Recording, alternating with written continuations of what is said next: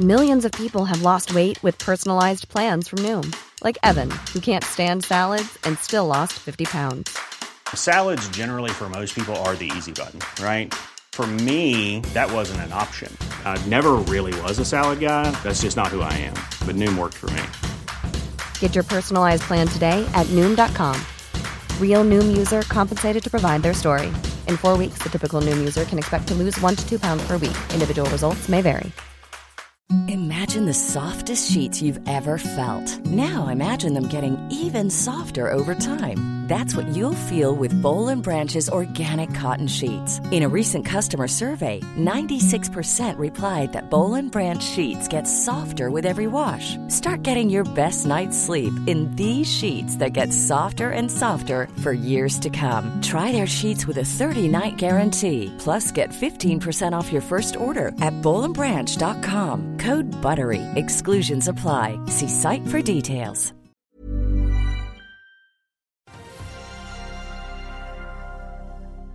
Rekord på rekord for Otovo dagen derpå for Atlantic Sapphire. Og hvor rosenrød er egentlig utsiktene for Norwegian? Vi spør dagens gjest Nordias. Hans Erik Jacobsen er eh, tirsdag 18. oktober. Velkommen til Børsmorgen.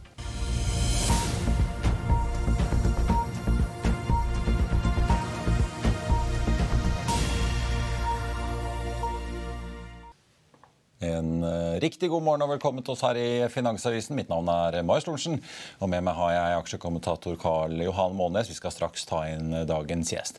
DNB Markets venter at eh, Oslo Børs og hovedindeksen tikker opp 0,7 fra start når handelen åpner om noen få minutter. Nordnetts Roger Berntsen ligger inne med en forventning på 1,2% på OBX-en i sine estimater, får vi si, etter en dag i går der Wall Street snudde kraftig opp etter den sure fredagen. Nasdaq ledet an med en oppgang på nesten 3,5 etterfulgt av SMP på 2,6% i pluss. Dow Jones opp 1,9. Og ja, I dag har vi sett at Asiabørsene tikker oppover etter at en del av indeksen der eh, lå i rødt i går. Nordsjøoljen ligger på 92,25 akkurat nå, opp en snau halv prosent, mens den amerikanske lettoljen ligger opp litt mer, til 86,17.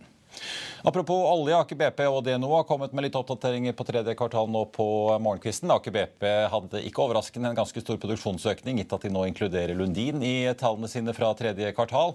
Nettoproduksjonen endte på 411 700 fat per dag, mer enn en dobling fra de 181 300 fatene i andre kvartal. Selskapet tar nye nedskrivninger på Ula-feltet, denne gangen på rundt 55 millioner, dollar, 55 millioner dollar før skatt, får vi si tilsvarende da 12 millioner dollar etter. Og Hvis du trodde du betalte mye skatt, så kan du bare titte i regnskapene til Aker BP. Selskapet forventer en effektiv skattesats for andre kvartal på 80% ca. Skattekostnadene for tredje kvartal regner de med å bli påvirket av en del valutabevegelser. DNO på sin side lå på 109 054 fat i tredje kvartal. og Selskapet har også kommet med litt oppdateringer fra virksomheten i Kurdistan. Tallene er litt opp fra de 105 179 som de produserte på samme tid i fjor. Så må vi ta opp Norse North Atlantic, for eh, det er jo ikke lenge siden de meldte at amerikanske myndigheter nå har gitt eh, grønt lys etter at britiske myndigheter ga grønt lys for at de kan begynne å fly mellom Gatwick og USA direkte utenom å starte flyvningene i Norge og med norsk lisens først. I dag er de ute med nok en nyhet som de har signalisert. De har nå nemlig videreutleid sitt femte Dreamliner-fly. De har jo snakket om at de var i forhandlinger om dette. Denne gang er det utleie på 18 måneder til da rundt eh, våren 2024. og Selskapet opplyser at eh, utleien vil øke inntjeningen deres, gitt at de har Power by the Hour-avtaler som gjør at de i utgangspunktet ikke betaler for leie hvis ikke de bruker eh, flyet. Dette sørger for at eh, Norse dermed vil sitte igjen med 10 av 15 fly som de selv kan bruke i driften sin neste sommer. Og så har selskapet da, som kjent varslet en ganske kraftig nedtrapping nå denne vinteren grunnet et krevende marked og dyrt eh, drivstoff. Norse opplyser ikke hvem som skal leie det femte flyet. Sist gang så var det Air Europa som leide fire Dreamlinere av det norske selskapet basert i Arendal. Nordic Semiconductor rapporterer tall på torsdag, og DNB er ute helt i innspurten før tallslippet og gjør litt endringer. De kutter kursmålet fra 330 til 300 blank. På kjøpsanbefalingen. aksjen endte i går på 139,80. DNB skriver at uh, våre egne analyser av uh, relevante nye produkter for selskapets BLE-løsninger indikerer fortsatt en markedsandel på rundt 40% og etter vårt syn støtter dette høyere vekstforventninger enn konsensus for 2023. Verdsettelsen av sammenlignbare aktører har imidlertid uh, kommet ned. Apropos DNB, Carnegie tar og nedgraderer bankaksjen fra kjøp til salg nå, og kutter kursmålet fra 220 til 170. Den endte i går på 178. Så er det en del endringer på Skipsted Adevinta. JP Morgan kutter kursmålet på Skipsted fra 231 til 187. Gjenta hold.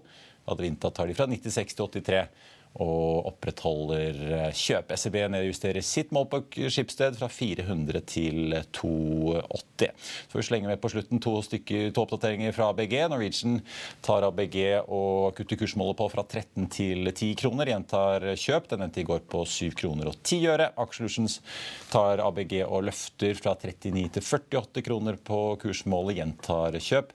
Den endte i går på 40,58. Da har jeg med meg aksjekommentator Karl Johan Monnes.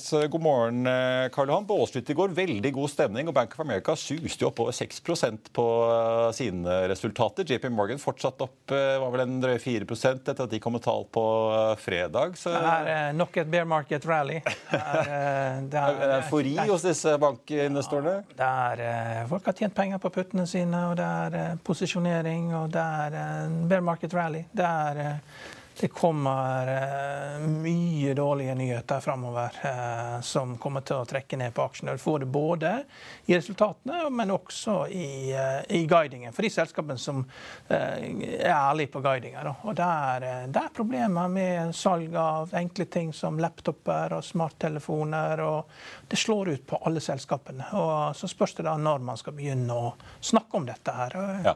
For, for nå begynner jo Du har jo Gartner Group som meldte om 20% salg i, salg i PC-salg i tredje kvartal. og det, det hører jeg jo at det er mye skarpere fall også i, i, i oktober da, på bestillinger. Kan det, kan det være den meldingen om at Apple tok ned iPhone-produksjonen litt, eh, kanskje bare den første av flere? Ja, det, er, det, det, kommer til å bli mye verre. fordi at du har hatt en, du har hatt en pull forward på etterspørselen.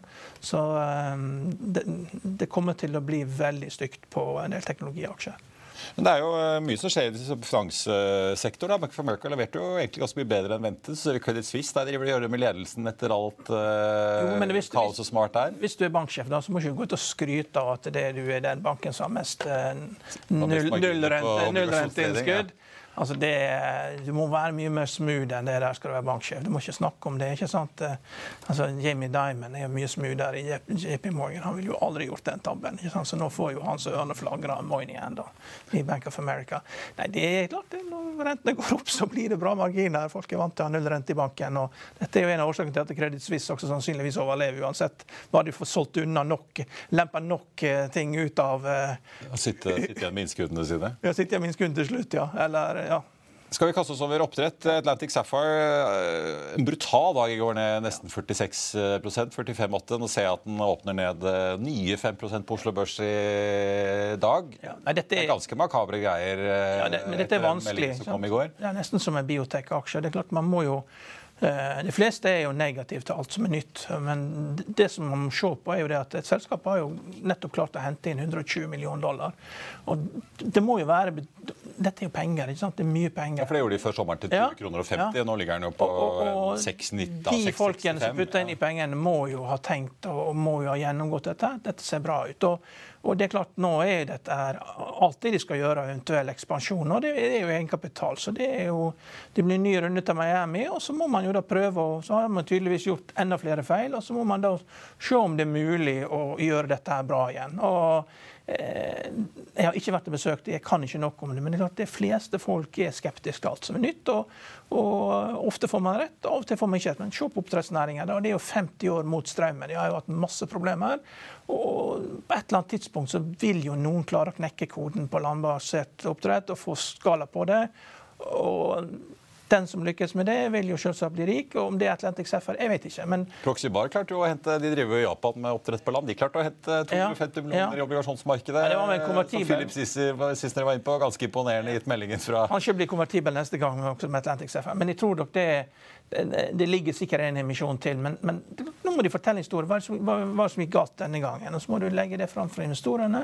Og hvis folk er villige til å putte nye 100 millioner dollar inn for å, å prøve dette her, så, så dette, er liksom, dette er vanskelig. Eh, og Det må være de som har pengene som avgjør om dette er verdt det eller ikke.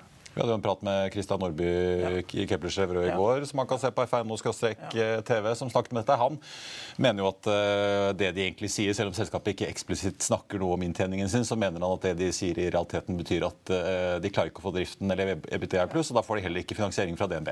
Ja, og, da, og, og det kan jo hende det at dette her, den teknologien her på den, dette stedet ikke fungerer. og Da vil man begynne å se på andre måter å drive med oppdrett på land på. Sånn som man driver på, oppe på eh, Harøya utenfor, eh, utenfor, Molde, og sånn som man driver med på, på Andøya med Andfjord. Og, og da det er fokus på de. Altså, på et eller annet tidspunkt så tror jeg nok man vil lykkes med å komme fram til en modell som eh, er lønnsom. Men hvordan den blir, det vet jeg ikke. Det er jo fortsatt tidlige dager, dette.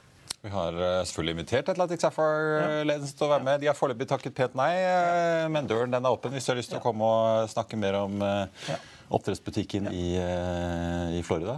Vi får følge med. Du, la oss kaste oss over for sin annen gründerbedrift, hvor i hvert fall aksjen fortsetter å gå som en kule i dag, opp 1,9% til stort sett eh, rekorder som konsernsjef Andreas Storsheim i Votovo eh, snakker om. Vi hadde jo en prat med han oppe på Pareto-konferansen. De ekspanderer stadig til nye land. Er altså rekord i salg, rekord i installasjoner, rekord i omsetning, rekord i margin. Eh, og de har nå stort sett etablert seg i det som er av store solmarkeder rundt i Europa med denne plattformen sin for å formidle salg av solceller på taket. Hvordan leser du eh, tallene som har kommet på bordet for tredje kvartal? Det er jo et problem da, at når du har eh, rekordlønnsomhet for solparker, og du nedbetaler en solpark på ett år, og så klarer ikke du å tjene penger her. Så du kan jo si, Det beste man kan si om Ottawa, er at det har P10, men problemet er jo at det er negativt fortegn. Det er ikke bra når du begynner nesten å sånn bare ensifra P-tall på negativt taper mye penger. Og så må man jo se på USA, da, som har prøvd å få til sol på tak-forretningsmodellen. Ikke lykkes. Du har Sunrun, eh, som eh, har gått gjennom profesjonelle installatører. De har fusjonert med nummer to, som er eh, var Vivint Solar, som drev med aggressivt salg. De drevet med leasing, de driver med syndikering av lån. 4,5 milliarder dollar i market cap og, og, taper et par hundre millioner dollar i året. Også, også igjen, det skulle vært veldig bra, dette her. Og når du da i tillegg blir angrepet av Muddy Waters jeg vil jo foreslå at disse her, altså kraftselskapene som eier Otto Horn, må sette seg ned og se på hva de egentlig eier, og, og, og eh, om dette her er noe man bør satse på. Altså Sol på tak, det er liksom Hvis du har en vindpark som er lønnsom det, det, er jo ikke dermed sagt at du skal gå og kjøpe deg en vindmølle og sette opp i hagen istedenfor en flaggstang. Det er ikke sikkert det er lønnsom industri å bygge dette her. Det er ikke sikkert det er lønnsomt. Men det er klart det er kult for naboen at du har en vindmølle i hagen hagen eller sol på taket, for da er du miljøvennlig. Men da er dette hobby, da er ikke det industri. Og da. Endrer gamet seg nå med denne, altså, den energikrisen vi har? Dette er jo altså, det, det, enkleste det, for forbrukerne når de ser strømregningen nedover i Europa og sier oi. Ja. Og så ringer de Otovo og, ja. og bestiller. og det enkleste... Hvis alternativet er sånn 4-5-6 kroner kilowatten? Jeg skrev om det enkleste, det viktigste for å lykkes med det er billig finansiering. Men så klart at folk har altfor høye forventninger til hva de skal spare. Altså, ute i Minnesota, da, ute i, der er det Community Parks, mest, eh, de har laget et veldig enkelt system der du kan være abonnent. De har fått opp fire ganger så mye sol i kapasitet som vi har her i Norge bare på ti år. Og du bare abonnerer. og Da sparer du 10% på strømregningen. Hvis du er litt sær, så kan du velge å spare 20% på strømmen. Men 10% på strømmen. Du bare signerer opp, og så får du dette her. Eh, og det er liksom det realistiske i dette her. Eh, det er den type sparing du får. Og Man må ikke gå rundt og tro at man skal bli kvitt strømregninga si, og så skal Otovo drive og, drive og subsidiere deg eh, for dette her. Så det er, eh, og du har ikke klart å tjene penger med energiprisen der, så er det noe feil med forretningsmodellen. Men det er jo fortsatt til kraftig vekst, da? Ja, men de taper jo bare enda mer penger. Jeg ser, ja, for jeg ser omsetningen går fra 88 til 179 millioner. Resultatet etter skatt fra Minus 37 til minus 79? Jeg tror begge avisene ser det ut har dobler omsetningen og dobler tapene. Det det. Men det er bare å se på USA. Hvis du ikke får dette til i USA, så får du ikke til i Norge heller. For der arbeidskraften er billigere. og De driver jo til og med syndikerer vekk gjelda og sånn. Og, og, så blir du angrepet av Muddy Waters, og, er, og, de sier bare at dette her er, dette er ikke bra. Og du vil ikke bli angrepet av den. For, så. Vi får si at uh, de gjentar jo guidingen sin uh, foreløpig. 500 mill. i inntekter i andre halvår i år, 660 millioner i første halvår neste år. Så ja, men analytikeren, analytikeren har et estimat når du skal tape enda mer penger neste år. Og, du, og, og, cashen går jo ned. ikke sant? Jeg noterte her, da.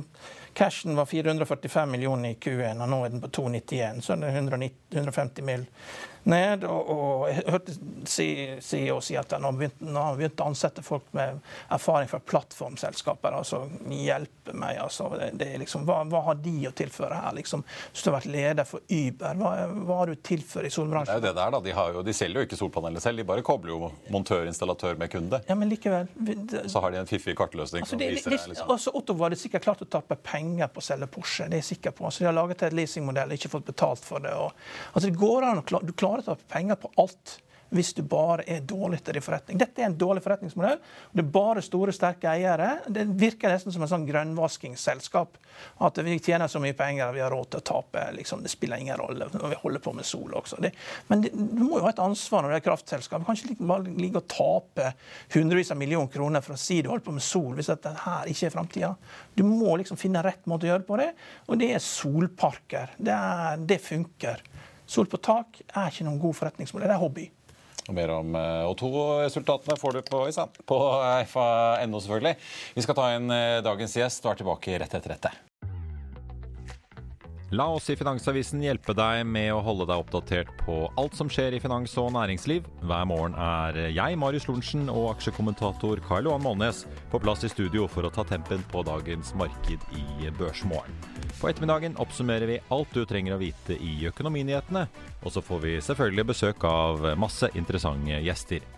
Du finner oss på fa.no-tv eller ved å søke opp Børsmorgen og Økonominyhetene der du hører på podkast.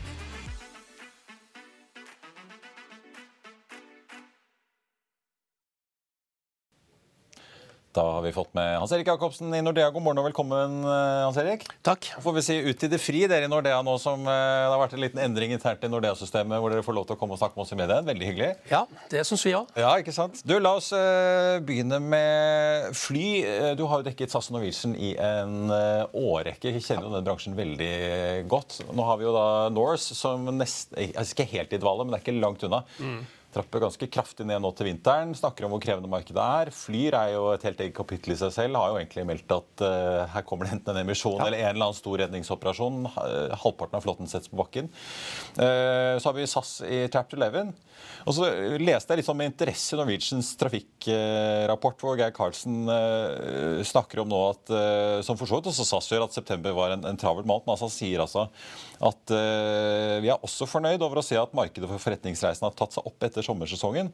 På våre mest populære forretningsruter i Norge er antall reisende nå tilbake på 2019-nivå.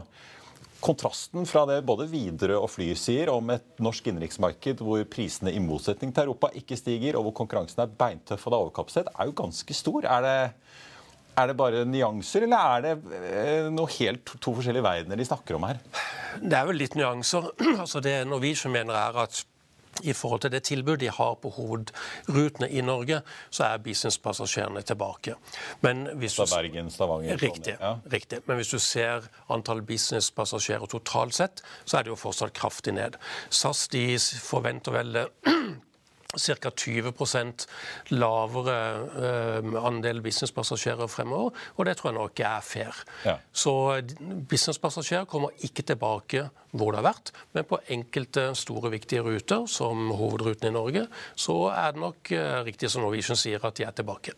Men nå sier jo videre at de skulle vel ta ut ett Eh, eller et par fly ut av sin kapasitet. Flyr tar ut halve flåten, så det her da går fra tolv til fem fly omtrent. Eh, hva da for Norwegian til vinteren? Eh, det er jo mye spekulasjoner rundt hva Chapter 11-prosessen vil gjøre med SAS, og ja. hvor mye de kan bli på en måte tvangskrympet egentlig som en del av dette her. Ja. Slipper Norwegian da litt unna den overkapasiteten? Nei, det gjør de ikke. Altså, for det første er det jo veldig store sesongvariasjoner gjennom året. Som vinteren som vi er på vei inn i nå, så er jo etterspørselen typisk 20% lavere lavere enn det du har om sommeren. Så det er vanlig at alle flyselskap reduserer kapasiteten inn mot, sommeren, inn mot vinteren. Men det vi ser i år, det er jo at eh, reduksjonen er mye større enn normalt pga. Eh, høye energipriser inflasjon, og eh, at det er lavere disponible inntekter i de fleste europeiske land. Og Det for, gjør jo at man forventer at det vil være færre flyvinger eller færre passasjerer denne vinteren. Så Norwegian de tar jo ut, eh, eller har tatt ut nesten 25% av kapasiteten sin allerede.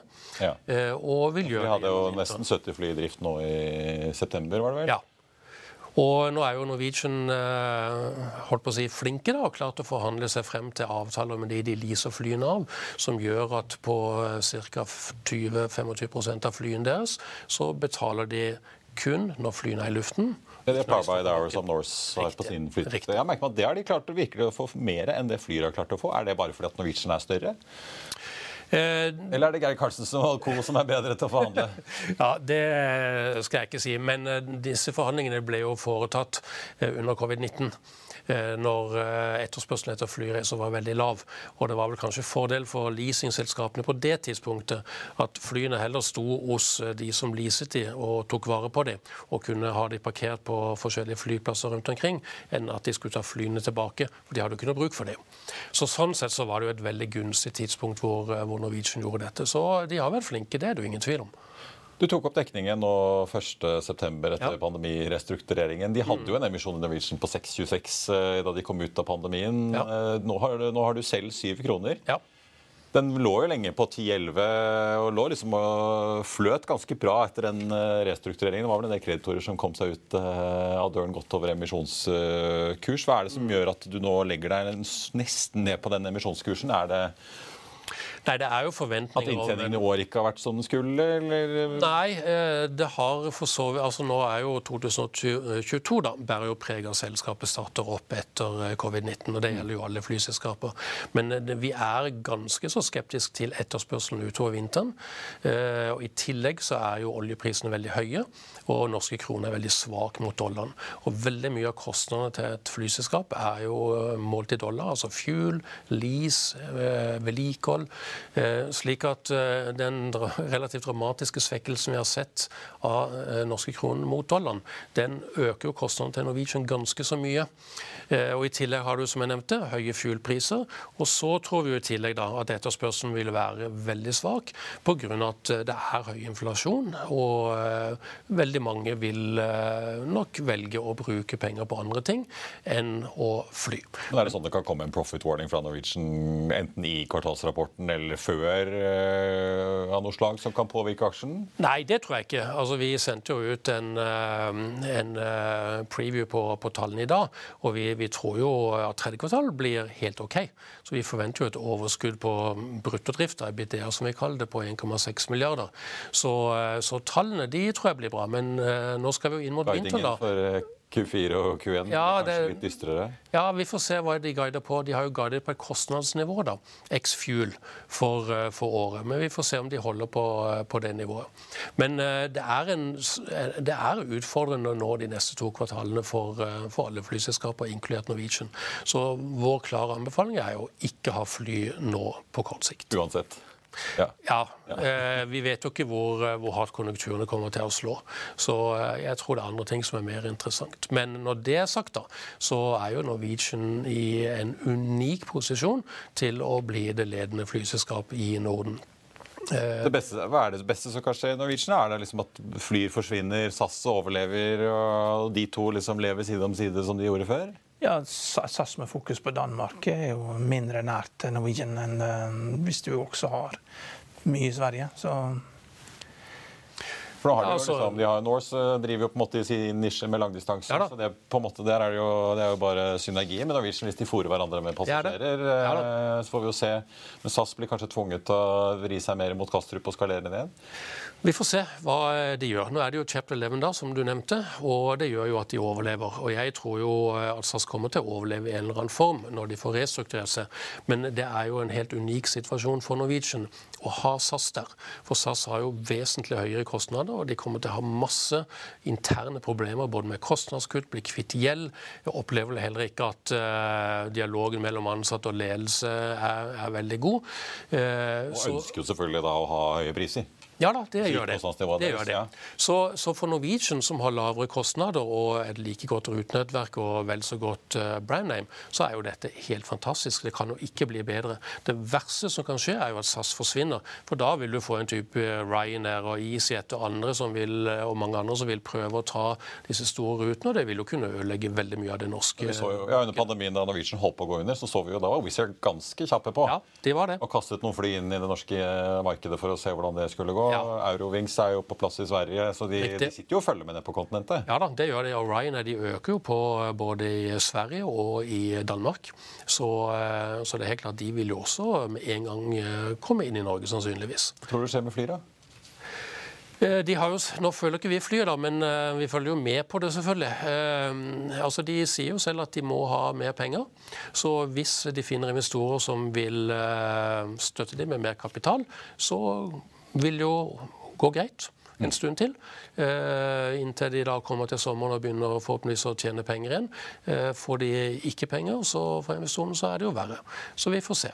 Men det, Hvor plagsomt er de for Norwegian? De er jo ikke så store. altså Norwegian ligger jo da nesten på ja, de flåte på rundt 70 fly. Neida, de... Flyr da på en 12, De skal jo opp i en 12-15-18, litt avhengig av hvilke opsjoner de eventuelt bruker neste år. Men ja. likevel eh, Det virker i hvert fall som der hvor de flyr, så må Norwegian da legger de seg liksom spot on, og alle ligger på hva da, 300 kroner til Nettopp. Trondheim, eller hva det er. Nettopp, og det er jo problemet. ikke sant, at uh, De flyr jo på noen av de store rutene, og der priser de jo ned når de flyr. og Det gjør jo at Norwegian og SAS må følge. Så, så det er jo ikke tvil om at uh, Flyr er et ganske stort hår i suppen, om man kan kalle det for Jeg merker man Flyr bare har gitt opp Stavanger for eksempel, til vinteren. De skal fly Trondheim og Bergen og ja, det er vel, Server Europa? Ja, det er vel for mye business, da. Businesstrafikk der. Vigra og Sola gir de opp? Ja. ja, nei, der har vi ikke vært. De, var vel, de lærte vel av Color Line uh, når de var at det, var, det, det, det, er ikke så prissensitivt der oppe. Det, det er tida som er mangelvaren. Nei. Skal vi snakke litt uh, industri? Uh, du dekker jo ja. uh, Hydro, Kongsberg, Elkem. Vi rekker ikke alle sammen, men jeg tenkte vi må ta litt på Hydro og Kongsberg. Hydro først. Uh, Aluminiumsprisen har kommet ganske mye ned. siden toppen var vel en gang i start, eller sånn midt i første halvår omtrent. Så du, tok du ned til salgsanbefaling på 50 kroner nå i slutten av september. Mm. De har annonsert ganske mange produksjonskutt, i, ja. ikke bare i Slovakia, på Slovakia, men også her i Norge ja. pga. høye strømpriser. Mm. Hvordan står det egentlig til med Hydro? Det står jo bra til, da. Det må jeg jo si. Eh, de har jo hatt en fantastisk inntjening eh, de senere årene, og langt over hva vi har trodd. Eh, og vi tror jo fortsatt at inntjeningen vil være god, men lønnsomheten blir jo øh, kanskje kommet mer ned til et øh, normalnivå. Men grunnen til at vi er negative, er jo øh, mer markedet. Altså Vi ser jo aluminiumsetterspørselen den faller kraftig. Både til bil, bygg og anlegg. Kina er jo, er jo helt flatt. Det er, det er, jo ingen vekst. Og i Europa ser vi nok nå en nedgang. USA holder seg foreløpig oppe, men vi tror jo at også det kan komme ned. Så hovedsakelig så er det pga. etterspørselen. Men når det er sagt, så er det jo også tatt ut mye kapasitet. Du nevnte Hydro, men det er jo veldig mange andre som har tatt ut også. Hele bransjen har jo Hele bransjen, altså i altså, Hydro-sjefen husker jo i Arendalsuken løp hun rundt eh, og snakket om at eh, hele europeiske aluminiumsindustri var nede på 50 av ja, kapasiteten sin. Det er riktig. Og det kommer til å sannsynligvis komme ut mer. For det at veldig mange har jo energikontrakter som går ut to-tre år frem i tid. Og når de skal reforhandle disse, så er det ikke mulig å produsere aluminium i Europa med spotpris på energi med dagens aluminiumspris. Så da vil mer stenges ned.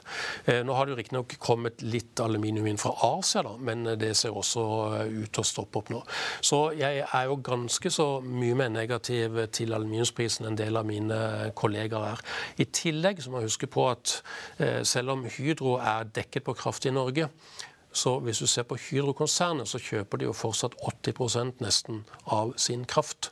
44% av kraften er jo i Brasil, og det er mye i Europa og USA som kjøpes inn. Og I Europa og USA så er det jo eh, omsmeltende, og så er det nedstrømsapparater. De bruker jo gass.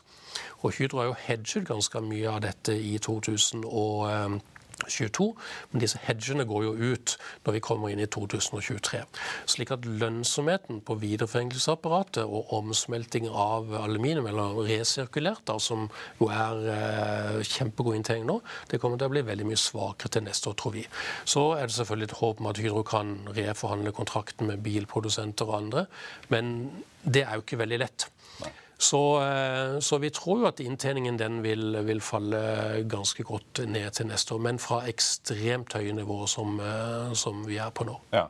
ja. for nå ligger den på 61, 61 kroner. Eh, du har salg 50. Hva er det som kan være en potensiell kursdriver? At Kina plutselig åpner opp, stopper disse covid, eh, de strenge covid-reglene sine og, og, får opp aktiviteten?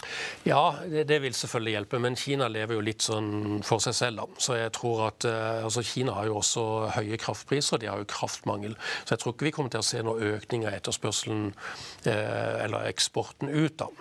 Eller ikke importen heller. Så den tror jeg ikke kommer til å påvirke så mye. Men den største oppsiden er jo om amerikanerne innfører innføre sanksjoner mot Russland. Ja, for Det var en store saken det, ja, i forrige uke, hvor det var jo derfor, Bloomberg plutselig meldte at Det hvite hus vurderer en full embargo av russisk handel. Nettopp, nettopp, og Det var derfor også hydrokursen stakk fra 45 til 55 til 61. Ja. Eh, men nå har jo aluminiumsprisen falt tilbake. da. Den gikk jo opp i 2004, og nå eh, etter gårsdagens fall på 3 så er vi tilbake hvor vi var. Så markedet legger jo ikke til grunn at dette kommer til å bli noe av. Men selv om amerikanerne skulle gjøre dette, så eh, vil jo det russiske metallet sannsynligvis gå via Kina, eller det vil gå via andre land. Så jeg tror ikke at det kommer til å forsvinne noe aluminium. Eh, men det er litt som de snakker om olje, at uh, oljen går bare andre veier enn uh, direkte rør via Øst-Europa inn til Europa. Helt riktig. Ja. Og Russland de står jo for over 10% av tilbudet i verden utenom Kina. Man kan jo tenke seg hva som ville skje hvis du bare tok vekk disse 10% altså Det vil jo medføre en dramatisk prisøkning. Og I tillegg så, så, er det jo masse biler og vindmøller og bygg og anlegg som bruker aluminium, da, som nødvendigvis da ikke ville få den aluminium aluminium du trenger. Så det er ikke bare bare å ta vekk så mye av et metall. Eh, men, men, det er klart at eh, på den annen side så vil man vel sende klar beskjed til russerne om at eh, det kan komme mer. Ja, er, det å, er, det for å, vise den, hver enkelt oligark da, at uh, Aluminiumsoligarken er vel der i Paska, ikke det? Jo. At det går utover han personlig. Er det derfor de gjør dette her? Nei, det er nok for å fortelle Russland at hvis de fortsetter denne krigføringen i Ukraina, så, så, blir det stadig harde sanksjoner. Har vi mer å komme med? Ja. Nettopp. Og det har jo ikke vært noen sanksjoner på råvarer i noe større grad. Verken gjødsel eller eh, aluminium er jo underlagt, uh, underlagt det. Uh, så, uh, så, men det er jo veldig mange som ikke vil handle med Russland allikevel, da. Fordi at man frykter oppgjør i, med banker ikke vil ta oppgjør. og man frykter at kunder vil reagere hvis man, hvis man kjøper russisk metall. Så det er nok blitt vanskeligere for dem. Men å holde det helt ut fra verden, det kan jeg ikke se kommer til å skje. Men siden du spør hva er, hva er oppsiden her, det er vel kanskje den største oppsiden på kort sikt. Det er at det blir vanskeligere for russerne å selge metallet i Eh, det livet. At du i en slags overgangsfase får en del sånn mangler og ja, i en bortfall av volumer? Ja. Riktig. I en overgangsfase så, så, vil du jo måtte flytte disse varene. Gitt at du ikke tror at dette på sikt vil ha noen nettoeffekt globalt? Nei, det tror jeg ikke. Det er de fleste i verden de kjøper og handler med Russland som normalt. Vi gjør det ikke i Europa, vi gjør det ikke i USA, men ellers i verden så er det ikke så ja, Vi vet i hvert fall på olje at bl.a. inderne kjøper russisk olje med begge hender. Ja. Til god rabatt. Eh, til slutt, Kongsberg Gruppen. Vi hadde jo besøk av konsertsjef Geir Håøy her på Økonominyhetene i går. Da, han fortalte jo eh, for så vidt både at det ikke virker som det er noe avdemping i forsvarsordrene, eh, og om den nye fornybardivisjonen. Eh, på Kongsberg eh, har du jo kjøp på 400, tok det litt ned fra 450 i eh, april. Eh, hva er det som er videre oppside på en måte i Kongsberg, sånn som du ser det, siden du har en kjøpsanbefaling? Ja. Ja, altså vi, vi, mener jo at den er noe lav verdsatt, da, i og med at vi har kjøp. Og så tror vi jo at uh, fremtiden kommer til å være veldig god. Altså De har jo 54 milliarder i ordrereserve, uh, slik at du har jo dekket nesten de neste par årenes omsetning hvis du tar hensyn til alt det de selger. Uh, alt det de selger uh, på vedlikehold innenfor maritim, som jo er 8 milliarder bare der. Så det er jo en uh, fantastisk visibilitet på inntjeningen frem i tid. Og så er vi jo veldig optimistiske både med hensyn til muligheten for flere forsvarsordre. Nato-landene skal jo opp i bruke 2% av BNP, og det betyr jo en økning, hvis alle gjør det, på 150-60 milliarder dollar i året. Det er et vesentlig beløp. Så dette vil jo også gagne Kongsberg Gruppen. Eh, på det maritime så er det jo mange ting. Det er jo vindmøller til havs, som er et område som vokser kraftig for det. Eh, det er hele energiøkonomisering på, på flåten til havs. Det Hele det grønne skiftet som kommer innenfor det maritime segmentet, eh, hvor Kongsberg Gruppen ligger langt frem. Samme gjør på LNG-båter, Navy, altså marine, øker på. Ubåter. Så det, det er, for ikke, for ikke, å snakke om en del av disse undervannssystemene som, eller undervanns, autonome undervannsbåtene som de har. Så, så, det er liksom Alt som Kongsberg Gruppen driver med, det går bra. I tillegg til at ordrereserven er formidabel, ja. og marginene gode. Det er jo ikke sånn gærlig, verst gæren posisjon å eh, være i. Men de har jo satt seg noen mål. altså Kongsberg Maritime skal jo opp i en omsetning på over 23 milliarder sier de om noen år. Nå ligger de på 16,5. Eh, marginene skal enda mer opp, har eh, finansdirektør Gyri Skalberg Ingerød lovt. Klarer de dette her, da? De også snakker de om tosifret milliardbeløp i omsetning i fornybar i 2030. Ja, ja det tror jeg. Ja. Vi, eh, vi, er faktisk mer optimistiske eh, når vi kommer til 5-26 enn eh, Kongsberg Gruppen er selv. Jeg tror ja. det kommer til å bli veldig veldig bra. Marginene vil jo alltid gå litt opp og ned, avhengig av råvarekostnader og produktmiks og slike ting. Men eh, den høye ordrereserven det gjør jo at Kongsberg Gruppen også klarer å planlegge langt frem i tid. Så eh, jeg tror den Det er enklere å nå de marginene som riktig. på kostnader og sånn. Ja. Så jeg tror den største utfordringen for Kongsberg Gruppen det er jo å få fatt i nok dyktige ansatte.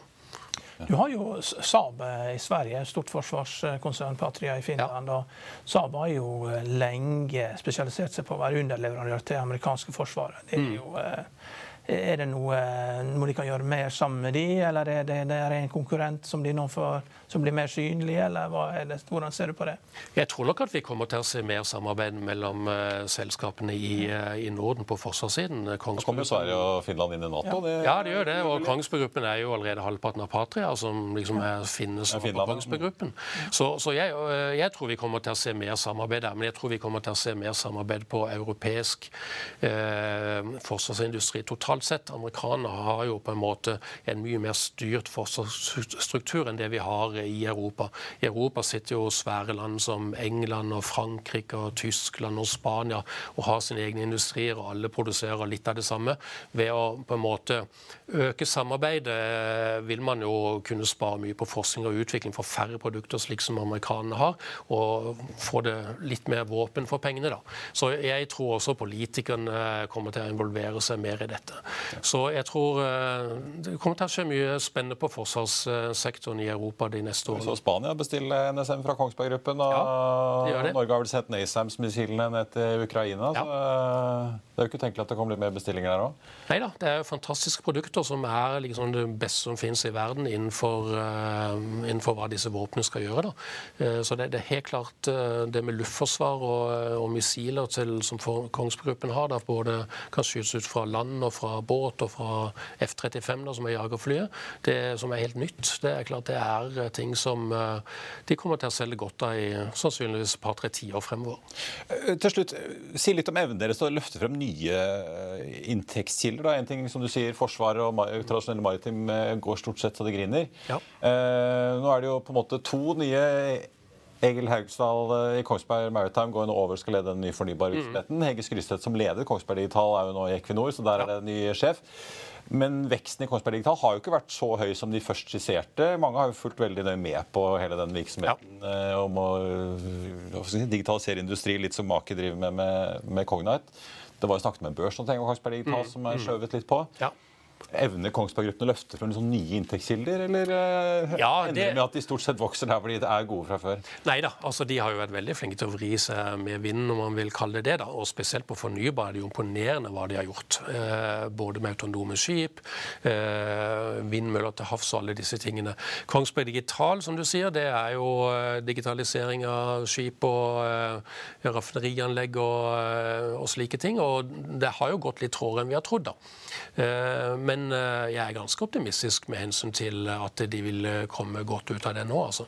Det, det, ser jo veldig bra ut, og de har fått mye kontrakter med store selskaper. Og det er vel spesielt da shippingflåten som nå begynner å se verdien av å kunne styre flåten bedre og kunne få hjelp til forskjellige fremdriftssystemer og fuel-systemer. Og det har jo ikke skjedd noe i den bransjen på veldig, veldig lang tid.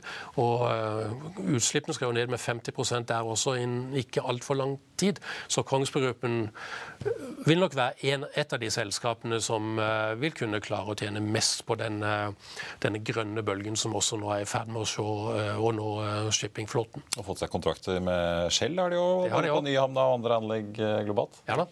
Hans Erik Jacobsen i Nordea, tusen takk for at du eh, kom til oss. Karl Johan, vi får eh, runde av sendingen med å ta en liten fot i bakken på hva som rører seg. Hovedindeksen opp 0,8 eh, nå, 1135 poeng akkurat. Otovo snudd litt ned til ned 08. Atlantic Sapphire ned nye 14,3% etter altså avfalt nesten 50% i går. Det er beinhardt. Ja, det er beinhardt. Folk er skuffa. Så men eh, de vil nok prøve å få til en emisjon til. for å prøve å få det til. Men Nå vet jo ikke jeg hva som er galt, altså problemet. Du må jo kunne da overbevise folk om at eh, hvis de bare får holdt på litt til, så går dette bra. Og Det er jo investorene da som må bedømme om det er riktig å gjøre eller ikke. Vi skal følge med slaktevekten og foreløpig lavere enn ventet. Kongsberg Gruppen tusen takk, da om opp, tikker opp 2,1 i dag. Hydro opp 1,3. DNO opp 1,7. Eh, De har jo kommet med tall i dag. Aker BP opp halvannen prosent. har også kommet med tall for Q3 i eh, dag. I hvert fall et foreløpig produksjonstall. Equinor da opp 0,6 eh, med Frontline som tredje mest omsatt i dag, faktisk på opp 2,3 vi, får, vi får runde av med Alternus Energy. Det var for å si denne mm, SPAC, dette spakk-casen ned 12 i går. Kom med kapitalmarkedsoppdatering på tampen av gårsdagen. Faller nye 13,6 i dag. Hva, hva fikk du ut av den prestasjonen i går?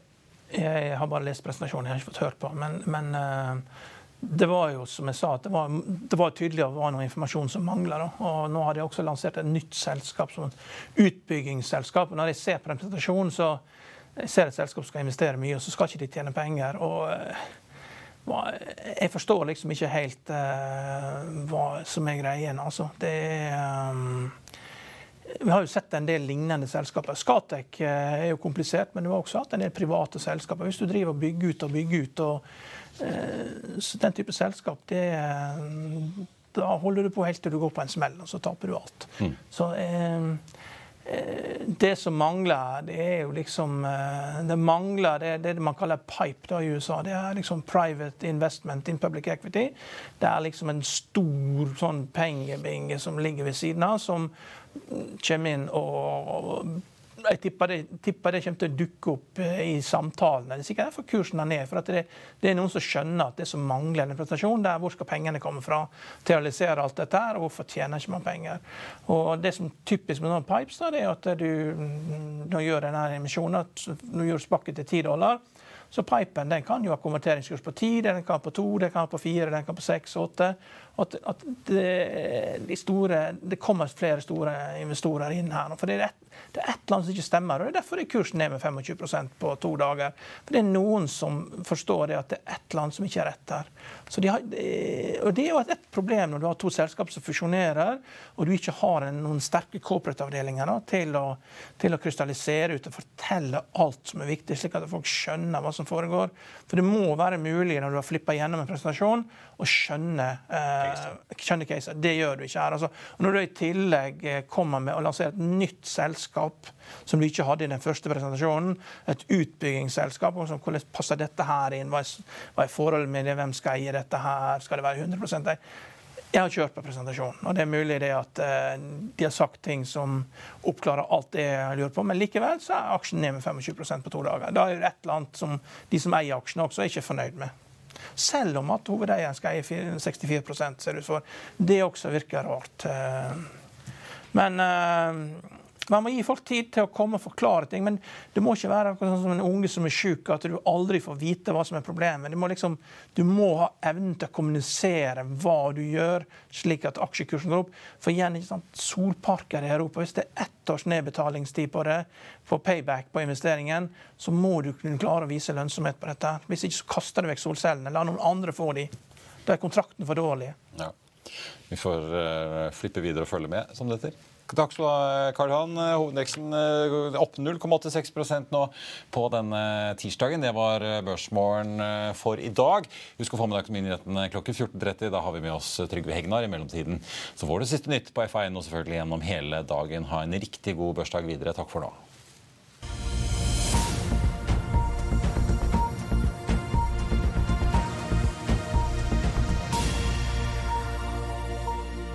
Økonominyhetene er en podkast fra Finansavisen. Programledere er Marius Lorentzen, Stein Ove Haugen og Benedikte Storm Bamvik. Produsenter er Lars Brenden Skram og Bashar Johar. Og ansvarlig redaktør er Trygve Hegnar.